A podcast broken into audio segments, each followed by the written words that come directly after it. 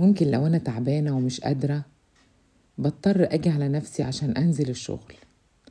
ولو تعبانة وبرضه مش قادرة ومكسلة لأ بقوم وأشجع نفسي وأنزل لو راح الجيم أو راح أقابل حد أو عندي مشوار لازم أعمله. لو تعبانة برضو ومش قادرة أو زعلانة من جوزي مش قادرة أتكلم مع حد لو اتكلم معايا لازم أتكلم معاه كويس ما أقدرش ما أكلموش كويس. مشاعرنا مش اختيار بس تصرفاتنا وأفكارنا دايما بنختارها.